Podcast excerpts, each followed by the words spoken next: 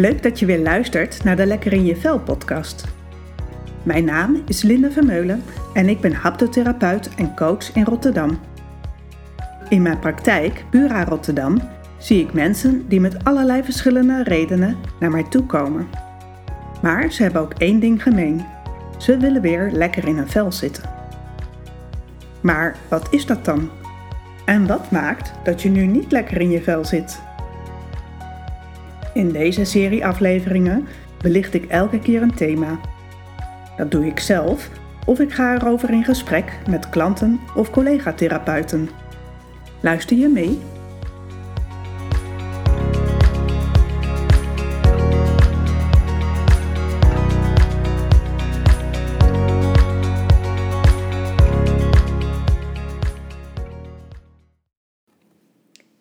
In deze aflevering wil ik het met jullie hebben over zelfcompassie en zelfkritiek. En daar wil ik eerst een uh, met jullie mee doen. Dus misschien kan je je ogen sluiten en even nadenken en stilstaan bij de volgende situatie. Een vriendin belt je op en die zegt: Wat me nou toch is overkomen, ik ben net ontslagen op mijn werk.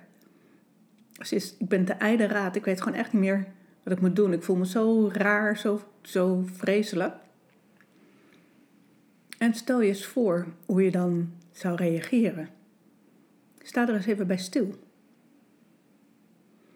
Waarschijnlijk zeg je zoiets als: Goh, wat, wat rot voor je. Wat moeilijk. Ik kan me voorstellen dat je bezorgd bent. Ik zou ook bezorgd zijn. Hoe kan ik je helpen? Dus eigenlijk wat je doet, je, je erkent dat ze het moeilijk heeft. Je erkent haar lijden. Je onderkent de medemenselijkheid van haar ervaring en biedt haar troostende woorden. En compassie komt van het Latijn. Cum betekent met en patti betekent lijden. Het laten raken door het lijden van een ander. De Dalai Lama noemt het openstaan voor het lijden van anderen en de wens die te verlichten. Compassie is dus het vermogen je te laten raken door het lijden van de ander, betrokken te zijn bij de ander en de wens om dat lijden zo mogelijk te verlichten. Terug naar ons gedachte-experiment. Stel, je hebt zelf net te horen gekregen dat je ontslagen bent. Wat denk je dan? Hoe spreek je tegen jezelf? Sta er eens even bij stil. Reageer je op dezelfde aardige manier op jezelf als tegen die vriendin? Grote kans van niet. Waarschijnlijk klinkt het heel anders. Nou, heb ik dit zelf ook een keer meegemaakt. Ik werd ontslagen, heel onverwachts. En um, ja, allerlei gedachten komen me langs. Waarom ik? En wat had ik anders kunnen doen? En misschien had ik meer dit moeten doen of dat moeten doen. Dus heel kritisch eigenlijk.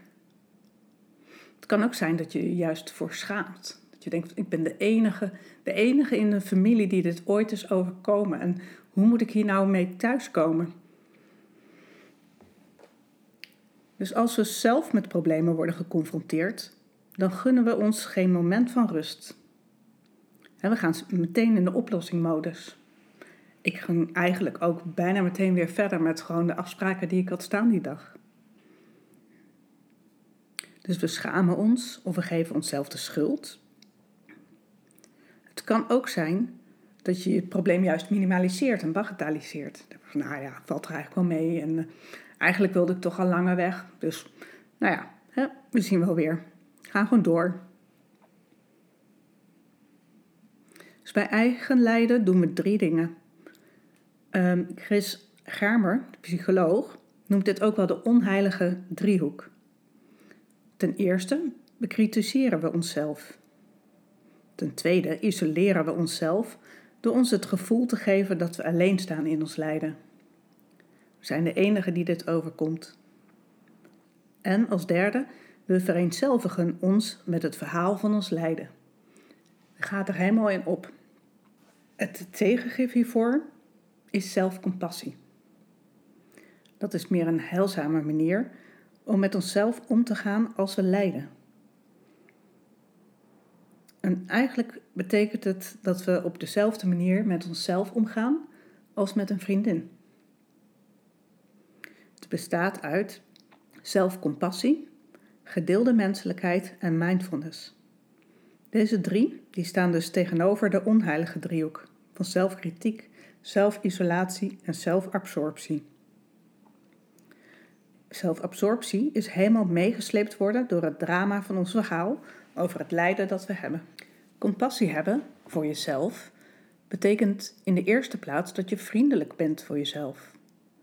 Je behandelt jezelf op een warme, vriendelijke en troostende manier. Je geeft jezelf de zorg die je nodig hebt om je beter te voelen. Dus wat heb ik nu nodig? Je ondersteunt jezelf op een begripvolle manier. Je vraagt jezelf: wat heb ik nodig op dit moment? En erkent: dit is echt even moeilijk voor me. Je doet dit echt uit een vorm van betrokkenheid bij je eigen lijden. En je behandelt jezelf zoals je ook een goede vriendin zou behandelen. Hierdoor voorkom je dat je voorbij gaat aan je eigen behoeften en ontwikkel je het vertrouwen om je gedrag aan te passen. Want als je weet wat je zelf, dat je jezelf onvoorwaardelijk steunt als je faalt of als er iets vervelends gebeurt, dan ontstaat er veel meer ruimte om te groeien als persoon. De tweede component was gedeelde menselijkheid. Als je lijdt, voel je je vaak alleen. Er is iets misgegaan en je bent de enige die dat overkomt. Alle mensen maken fouten of komen tegenslagen tegen. We zijn allemaal kwetsbaar. Dat is wat het is om mens te zijn. Niemand heeft een contract getekend toen we geboren werden dat het leven perfect zou moeten zijn. Wij mensen zijn verbonden in onze imperfecties en in het feit dat we kwetsbaar zijn. Juist dat maakt ons menselijk. Een derde component is mindfulness. Voordat je jezelf de zorg kunt geven die je nodig hebt, is het in de eerste plaats van belang dat je opmerkt dat je het moeilijk hebt en dat je je lijden erkent. Aanwezig zijn bij je onplezierige gevoelens zonder je mee te slepen in het verhaal waarin je het groter of kleiner maakt dan dat het is. Je hebt vast wel eens van mindfulness gehoord.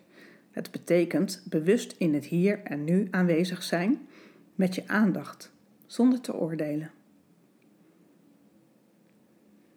Mindfulness in zelfcompassie is net een klein beetje anders. Het is niet alleen bewustzijn van wat er in het hier en nu gebeurt, maar dat je met name bewust bent van de persoon die de moeilijke dingen meemaakt. Aandachtig zijn voordat je lijdt. Je kunt niet helen als je niet voelt wat er is. Dus het helpt je om de werkelijkheid te zien zoals die is. Niet meer en ook niet minder. Het geeft dus ook een beetje afstand tot de emoties. Het geeft de afstand om je emotie te dragen en juist te kunnen handelen. Om nou te voelen wat het verschil is tussen zelfkritiek en zelfcompassie, wou ik een oefening met jullie doen. Als eerste doe je je beide armen naar voren en bal je heel stevig je vuisten. Voel maar hoe dat is. Zo strak je vuisten te ballen. En daarna doe je je armen naar voren en doe je je handpalmen omhoog. Voel maar hoe dat is. Is dat anders voor je? En als laatste leg je je beide handen op elkaar op je hart. voel maar hoe dat is.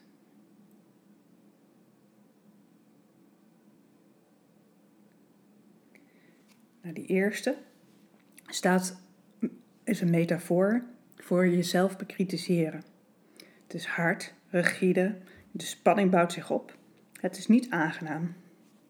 Kritisch, hard, stevig, sterk zijn, want dan kunnen we verder.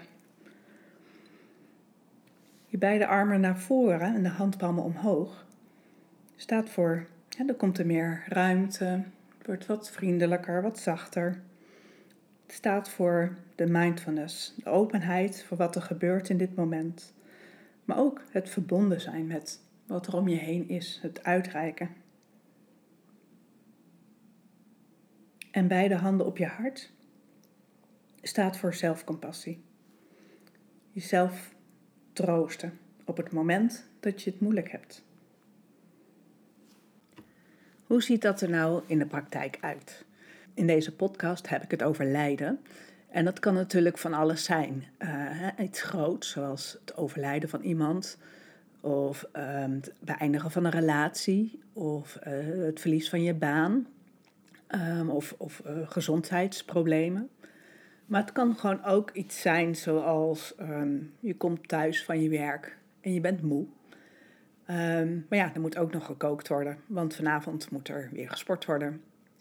Um, dus wat doe je dan? Nou, ten eerste uh, begint het met opmerken bij jezelf dat je moe bent en dat het je eigenlijk vol zit. Dus dat is de mindfulness component. Opmerken van, ja, ik, ik voel me gewoon helemaal suf. En dan heb je natuurlijk een keus. Je kan door blijven gaan, uh, want ja, er moet inderdaad gewoon eten gekookt worden. Um, of je um, hebt compassie naar jezelf en je zegt: uh, Ja, ik heb het gewoon even moeilijk. Het zit even vol. Ik heb even een moment voor mezelf nodig. En dan kan je bijvoorbeeld op de bank gaan zitten of even buiten in het zonnetje. En uh, gewoon even de tijd nemen om stil te staan bij. Ja, het was, het was even zwaar en ik geniet nu even van de warmte van de zon op mijn gezicht. En ik zit hier gewoon even lekker.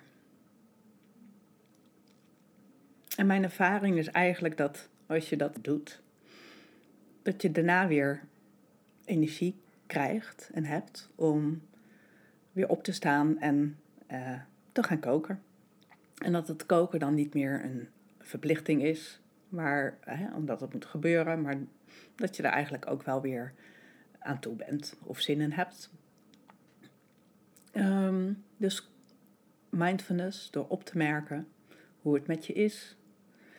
Um, weten dat dat ook oké is aan zo'n na een drukke dag met afspraken. En uh, dat je vast niet de enige bent die moe is na zo'n dag. En zelfzorg, om, om toch even tijd voor jezelf te nemen. En te genieten van de zon op je huid. Dus een praktisch voorbeeld, gewoon uh, het lijden wat ik, waar ik het over heb, uh, kan dus groot zijn, maar ook iets kleins. En daarmee wou ik deze podcast afsluiten. Um, en ik hoop dat jullie er wat aan hebben. En um, met meer compassie naar jezelf toe kunnen zijn. Um, zoals je eigenlijk ook naar vrienden zou doen. Een fijne dag.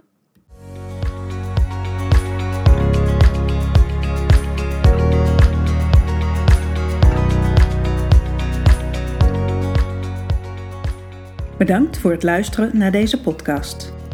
Wil je meer weten over haptotherapie of het thema van deze podcast? Neem dan contact met me op. Dat kan door te mailen naar info.purarotterdam.nl of met me te linken op Insta. Vergeet niet je te abonneren op deze podcast, zodat je ook de volgende afleveringen kunt volgen die jou kunnen helpen en inspireren om je lekker in je vel te voelen. Ik ben benieuwd wat je van deze aflevering vond. Laat je het even weten op Facebook of Instagram. Nogmaals, bedankt voor het luisteren en tot de volgende keer.